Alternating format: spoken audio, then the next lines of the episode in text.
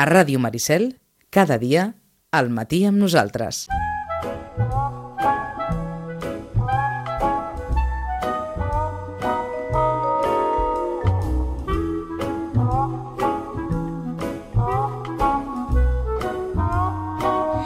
A partir del que ens deia l'Eduardo però ens sembla que el primer que es pot recomanar quan es té un animal domèstic és que cal tenir més o menys, una mica de butxaca, una mica de cartera. Eduardo, bon dia, bona hora. Buenos días a todos. Desde el Hospital Veterinario Sala Gorón, eh, eh, porque nos hablabas de la cuesta de enero, Sí, que se nota. se nota un poquito, sí. Eh, Estaba yo por preguntarte, ¿tener un animal de compañía cuesta dinero? Cuesta dinero. Esto de mucho o poco ya no sé, pero, pero cuesta dinero. Cuesta dinero. Una de las frases, de las frases más comunes que se escuchan, eh, cuesta más que un niño. Cuesta más que un niño. No, bastante no, dire- no diremos que tanto. No diremos que tanto. pero, pero un animal de compañía, un perro, un gato, Cuesta, cuesta dinero, Cuesta sobre dinero. todo si lo queremos tener en las condiciones óptimas, que, que bueno, que son las necesarias, sobre todo para prevenir enfermedades, además enfermedades que pueden ser transmisibles a, a las personas y bueno, enfermedades que luego pueden ser más costosas para la propia mascota. Te, te lo preguntamos porque esto a lo mejor no, no aparece en la mente de nadie cuando ve un, un perrito, una perrita con esa cara de, de- de- de buena persona y de bueno, va, nos lo llevamos a casa y después empiezan a aparecer bueno, Sí, esos cuidados, que ese, ese mantenimiento que, que debe hacerse obligatoriamente, las vacunas, como nos has dicho, y esto empieza ya a, a crear una, una cierta incomodidad en más Pero- de una, ¿no? Pero, hombre, evidentemente nada es obligatorio, bueno, salvo aquellas personas que optan por tener un perro que legalmente está considerado potencialmente peligroso, tipo los pitbulls, los American Terriers, esas razas que están consideradas en, en las legislaciones que sí legalmente tienen que tener cierta- ciertas consideraciones, pero no hay nada obligatorio. De acuerdo. Eventualmente, si se enferman, pues hay que tener, tienen que tener un coste. Entonces, para evitar esas enfermedades, pues están las medidas preventivas, que son las vacunas, desparasitaciones, etcétera, etcétera. Porque como, etcétera. como profesional, no sé, seguro que más de una vez has visto, aunque sea es la, la eterna imagen de, de un vagabundo en la calle con, con sus perros, e- esos animales viven como pueden, como, Como pueden, como pueden. como pueden, exacto. No sé cómo se la... Ya, ya. Hombres, ah, hemos tenido casos de personas de buenos samaritanos que si, si he visto personalmente de mascotas que están en la, de, de, esa- de esas personas que están en la calle que han sufrido algún tipo de, de lesión, personas que han acudido a nuestro centro con esa mascota y, se han, y han costeado el, el cargo de, Sus curas. de, de- de eso. Pero eventualmente no sé cómo, cómo se la ingenian para, para, para poder mantener esos para poder animales. ¿eh? Bueno, pues vamos a esta situación que nos, que nos planteáis. Un animal abandonado. Que se puede ver, no, no sé si muy comúnmente, pero en cualquier caso seguro que, que más de uno tiene en la cabeza, pues mira, yo vi, Sí, yo vi. desgraciadamente se ve con mucha frecuencia. Bueno, perritos, gatitos abandonados por, por ahí. Mm, posiblemente en, en algunas comunidades autónomas son más, frecu- más frecuentes, en diferentes provincias o, o zonas son más frecuentes que otras, pero bueno, se, se ven. Voy al origen. Nos imaginamos una familia con, con un perro o con una perra y que por eso de no tener las mínimas precauciones, bueno, pues, pues la perra queda, queda embarazada y una camada de, de perros y, y, bueno, y tienen, yo qué sé, cuatro o cinco o, seis. Bueno, ¿qué, ¿qué se hace? Porque lo más habitual es esas llamadas a través de las redes sociales, tengo tantos, quien quiere, te los. ¿Qué, qué, qué se hace? Bueno, normalmente lo ideal sería eso, buscar familia para darlos en adopción. Personas de confianza que, bueno, vayan adoptando esos cachorritos. Con mucha frecuencia se encuentran, pues luego los típicos mensajes de difusión de me los encontré en, en una basura, en una papelera, en la calle, al borde de, de la carretera que no sé si es cierto, si es por recurrir a la pena para darlo más rápido en, en adopción o no. Bueno, ya esto es pensamiento Sí, sí, sí. individual, pero bueno, existe también la posibilidad porque también se ve, ahí también, también se ve. Pero lo ideal es eso, buscar una familia responsable que sea capaz de adoptarlo De acuerdo. Si no encontramos familia responsable, a un centro de a adopción, un centro de adopción. a lo que comúnmente llamamos, pero supongo que pre- preferís que llamemos centro de adopción que no perrera, ¿no? Que no perrera. Que, que Protectora. das ese- o una protectora. Una prote- Normalmente los cachorritos suelen salir. Normalmente los cachorritos suelen salir porque las personas Gustan demasiado, ¿eh? Sí, hay casos concretos en los que las personas buscan perros más adultos por el hecho de se evitan pues ya el tema de El adiestramiento. el adiestramiento, la enseñanza, el bueno los perros también tienen ese periodo de aprendizaje de, de las necesidades, pero un cachorro pues demanda mucha más atención. Entonces hay personas que buscan ya perros más, más adultos, hay otras personas en concreto que ya buscan ancianitos para darles ya una segunda, tercera oportunidad. Ah, está claro. Hay, hay de todo, hay de Ah, ah, todo. porque vamos a recordar dos cuestiones. Uno, mm, tener un perro en casa tiene que ser una decisión pensada con la cabeza, Con la y no con el no corazón. con ¿eh? el corazón, exacto. Sí, Eso sí. sí, es muy importante. Y Eh, segundo, eh, ¿se puede abandonar un cachorro acabado de nacer o un perro que ya tenga 10 años, 11, 12, un perro mayor? Por desgracia, por, Por desgracia, desgracia, sí. se hace. Por desgracia se hace cada vez con, también con más frecuencia. Eh, cuando la gente se muda, en caso de, bueno, se van de vacaciones, lo hemos dicho, se van de vacaciones, cambian de trabajo, de, de comunidad autónoma, de provincia, de país, no encuentran con quién dejar a la, a la, a la mascota. Muchas veces dejar a la mascota en una protectora o en una perrera también les cuesta dinero y la persona no quiere pagarlo, eh, los abandonan, no pueden costear la, la enferme- una enfermedad crónica o un tratamiento, los abandonan, no quieren recurrir a la eutanasia, los abandonan, entonces cada vez se ve con más frecuencia. Un, un perro abandonado, ¿cómo vive, Eduardo? pues vive de lo que de lo que puede se busca la vida muchos pues mueren porque bueno no están acostumbrados a, a, a la soledad Eh, si están enfermos si están enfermos pues la enfermedad los consume O un animal que ha tenido una vida en compañía, una vida doméstica, toda su vida, supongo que Se- se trastorna. Se trastorna. se trastorna porque, claro, no sabe qué ocurrió. De momento, de un, un día estaba acompañado de sus familiares y al día siguiente se encuentra solo, que se tiene que buscar la vida, busca- no tiene que comer, que beber. Y bueno, obviamente lo siente. De acuerdo, nos encontramos un perro por la calle. No sé si por naturaleza o no, si llamamos su atención, ¿el perro nos seguirá? No necesariamente, no necesariamente porque las mascotas ya de por instinto eh, pueden estar sensibilizadas o no a, a los seres humanos, pero también por instinto también tienen, sienten el miedo. Entonces pueden tornarse agresivas.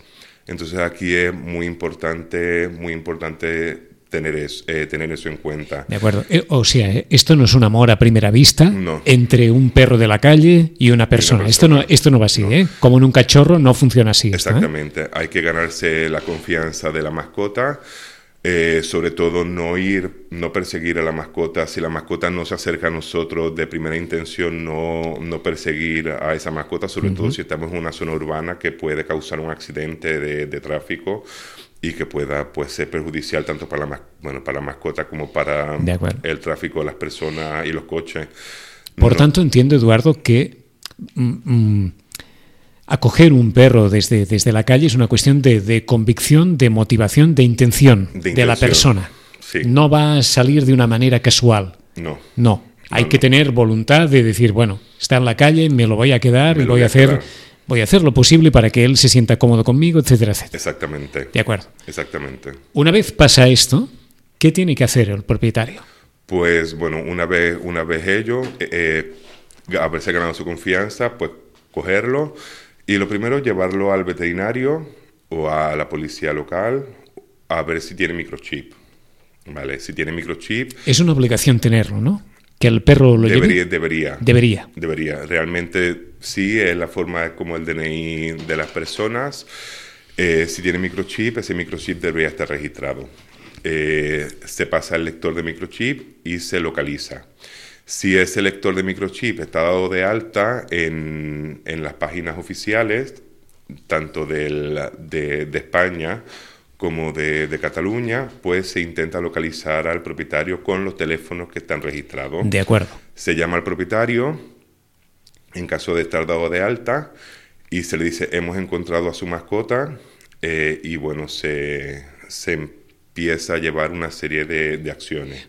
si, ese, si esa mascota tiene propietario, pues ya habría que llevarlo a, a la policía porque se consideraría o abandono o bueno o, o pérdida. De acuerdo. Dependiendo si esa persona lo notificó como O sea, pérdida que o no. para empezar, no podemos quedarnos un perro con microchip. Con microchip. Para empezar. Después no sé qué puede pasar si llama a la policía al propietario, el propietario dice, no, no, es que yo qué sé, no me interesa el perro, yo qué sé. Claro. Ya. Sobre todo porque se puede. El propietario tiene que dar por pérdida. Si tiene que haber dado por pérdida ese, ese perro. Tiene que haber denunciado la la pérdida, de- su mascota, ¿no? Claro, porque si el microchip no está dado de alta, realmente ese perro no está registrado. Porque sí que se tiene mucha costumbre de, de poner microchip o no registrarlo. Entonces, eso es como un Ya, como nada. Como nada. Entonces, pues, dar por notificado ese- esa pérdida o no. Entonces, normalmente los propietarios lo hacen, pero otras veces no. Entonces, allá hay... O sea que ni uno puede quedarse un perro con un microchip, ni el propietario de un perro con microchip lo puede abandonar así como así. así como así. Queda aunque parezca muy obvio, supongo que debe decirse porque estas cosas pasan. Estas cosas pasan. En caso de que tenga microchip, bueno, pues ya a partir de ahí, si la persona que se lo encontró él desea adoptar esa mascota, porque el propietario anterior no lo, no lo quiera, Sí. pues ya tiene que pues, hacer una serie de, de acciones que normalmente tardan en torno a, a un mes, porque, bueno, tiene que, tiene que haber un cambio de propietario, el propietario anterior tiene que renunciar a los derechos de esa mascota, registrar al, al perro a nombre de, de otra persona, etcétera. Y a partir de ahí, pues ya pues empezar con los servicios veterinarios, un examen físico general, analítica si fuese necesario, etcétera. O sea que los pasos serían, a partir de, de que el, de que el perro ya es un perro propio, registrado, los mismos que cuando compramos Sí. cualquier mascota. Sí. Sí. Sobre todo hay que ac- a- aclararse legalmente con, con eso, porque, claro, es un bien, es un, es un bien, es un... Aquí estamos hablando de un ser vivo, Sí, sí. pero realmente es un, es un bien, no quiero decir material, pero no, no, realmente no. es, Sí, sí. una, Un bien en el sentido de es valor. pertenencia. Es un valor, es una pertenencia. es una pertenencia, entonces al estar registrado, si, está- si lo está, pues ya tiene, pertenece a alguien, entonces para quedárselo, pues ya hay que seguir una serie de, de pasos, Abandonar un perro está penado. Está penado, y maltratarlo y todo eso también. Y se puede, supongo, Se se, puede denunciar, puede denunciar. se puede O en denunciar. cualquier caso, si uno se encuentra un, un perro y, es- y no ha sido eh, denunciada la pérdida de ese animal, el propietario puede, puede tener que costear una multa por abandono. Sí. Sí, si una persona ve eh, el hecho de abandonarlo, o sea, el acto de abandono, de abandonarlo, sí lo que lo, lo puede denunciar. En este eh, supuesto de tenemos ya el perro en casa, nuestra relación con el animal va a ser tan buena como con cualquier otro animal. Posiblemente esa mascota, bueno, no todas, pero Haya pasado un... haya pasado cierto trauma, hay que tener mucha paciencia. Esa, esa mascota puede, bueno, dependiendo también la edad de, con la que, la que ha sufrido ese trauma, hay que tener un poquito de paciencia, puede estar desconfiada de las personas y bueno, pero puede, puede tener una vida prácticamente normal. En el caso de un perro mayor, igual. En el caso del perro normal puede costar un poquito más, pero puede llegar a ser normal también. Por el hábito, supongo, de tantos años en compañía de otras personas. Sí. pero bueno, se acostumbran fácilmente. Pero se acostumbran. Sí, se acostumbran. ¿Hay muchos perros abandonados? Puede haberlo. De hecho, yo cuando hice, mi, hice mis prácticas de la carrera, yo las hice, bueno, las estudié en la Facultad de Veterinaria de, la, de Las Palmas de Gran Canaria y parte de, la, de, la, de las prácticas de la carrera las hice en la, en la perrera, en el albergue municipal de, de Gran Canaria y era, ¿Y era era? una pasada. Y supongo que todo se extrapola a todas las comunidades y era, era horrible. De acuerdo, es que te lo pregunto así porque cada vez que vemos imágenes de protectoras, están llenas hasta Están los topes de, llenas. de animales. Están llenas y las protectoras que conozco, porque aquello era una perrera, pero claro, luego aquí tengo relaciones con protectoras y tres cuartos de lo mismo. Entran, hacen un servicio altruista, muchos animales, Que no, que no tienen salida. no tienen salida, no dan abasto, se hace lo que se puede, se trabaja, se trabaja de gratis, se trabaja, se trabaja muchísimo. eh, es mucho el trabajo que, que- que tienen las protectoras, que tienen las perreras. La- las personas de colonias de gatos, lo mismo, tres cuartos de lo mismo, porque también hay, hablamos de perros, pero con los gatos pasa lo mismo. Y, y con los gatos tenemos todavía más esa imagen del, del gato asilvestrado, Silvestrado, más que los perros, ¿no? Los perros tenemos esto de un perro abandonado, sí que, que- que puede suceder, obviamente, pero en cambio sí que tenemos esa imagen, sobre todo en sitios de los gatos en el espigón, de los gatos en determinados lugares, colonias de gatos que van siendo alimentados de una forma más o menos paulatina por, por la gente. Sí, es que es mucho y es, mu- es muchísimo y, y a veces la gente no es consciente de, de eso y del trabajo que dan y, y bueno, de la, de la voluntad que tiene mucha gente para sacar todo ese trabajo adelante. ¿Un gato de la calle debe ser alimentado? En principio debería ser, en, si es de una colonia que está registrada como, como colonia, eh, no. Por- solamente los que están de, en la colonia y como están registrados como colonia son los que pueden, pueden ser alimentados los De demás. acuerdo, ¿no? porque, porque aquel pensamiento tan de, de, de la calle de, oye, no alimentéis a los gatos porque si no los gatos no van a... No no no van a comer lo que comen. lo- los gatos de colonia están muy controlados. Los gatos de colonia se esterilizan, se, test, eh, se les realiza el test de leucemia e inmunodeficiencia para tener un control de, de, de esos virus. Y, y están mucho más con- y están controlados si no si no no se deberían ¿Están más acostumbrados los gatos a vivir en la calle? es, es más ellos están más no están tan acostumbrados pero bueno se llegan Son más adaptables. Que, se, que se adaptan se adaptan. Por eso que tenemos la visión siempre de que algún gato por alguna Algún parte, por- saltando por tejados, por balcón. Tenemos más esa imagen Bueno, de... hay, hay, hay muchos gatitos por, ahí en, de calles que no están de casa, Sí. que no están esterilizados y que bueno van a buscar, se van de fiesta por ahí a buscar a sus a sus hembras. Pues vamos a acabar con esto. Un perro, un animal doméstico, debe esterilizarse. Sí, Sí. Sí. Esto es un sí seguro, ¿eh? debería hacerlo. Debería serlo. hacerlo no solamente para evitar la sobrepoblación animal, sino pues para evitar la- las complicaciones que se derivan de las enfermedades hormonales. De acuerdo. A no ser que su propietario o propietaria esté muy seguro de lo que quiere, de lo que, de lo puede asumir. Exactamente, a no ser que el propietario tenga seguro de que si va a tener alguna camada, Estarán- esa camada la va a sacar adelante, tenga la camada completamente dada y ya está. Va, Ya está, porque lo demás evitamos enfermedades, evitamos sobrepoblación animal, evitamos abandono y todo esto en beneficio. Esto debe ser más o menos inmediato, Eduardo. Cuando compramos la mascota tenemos ya que pensar, bueno, Deberíamos pensarlo, ¿sí? debería- de deberíamos... la misma forma que pensamos en las vacunas y en otras cosas. debería ser una de las opciones a pensar y a considerar. De hecho, yo en una de las cuando vienen cachorros en primeras visitas es una de las cosas de las primeras cosas que, ¿Qué que dices? pregunto. ¿Tienen pensado esterilizar? Para a partir de ahí, pues ya ir. ¿Qué, qué te acostumbran a decir? ¿Que sí, que lo tienen pensado o que no Que entraba en los planes? esto? Normalmente me dicen que sí, que, Que lo sí. tienen, que lo van a hacer. Bueno, ya, ya sí. es un pensamiento, supongo, de, de Sí. Sí, ante lo que puede suceder. Eh? Doncs aquests són alguns dels consells per a aquelles persones que es puguin trobar, que, que es pugui donar el cas, que es trobin un animal, un gos, un animal de companyia al carrer, sigui amb xip o sigui sense xip. Des de l'Hospital Sala Gron amb l'Eduardo Tobaja. Eduardo, gràcies una vez más. a ustedes.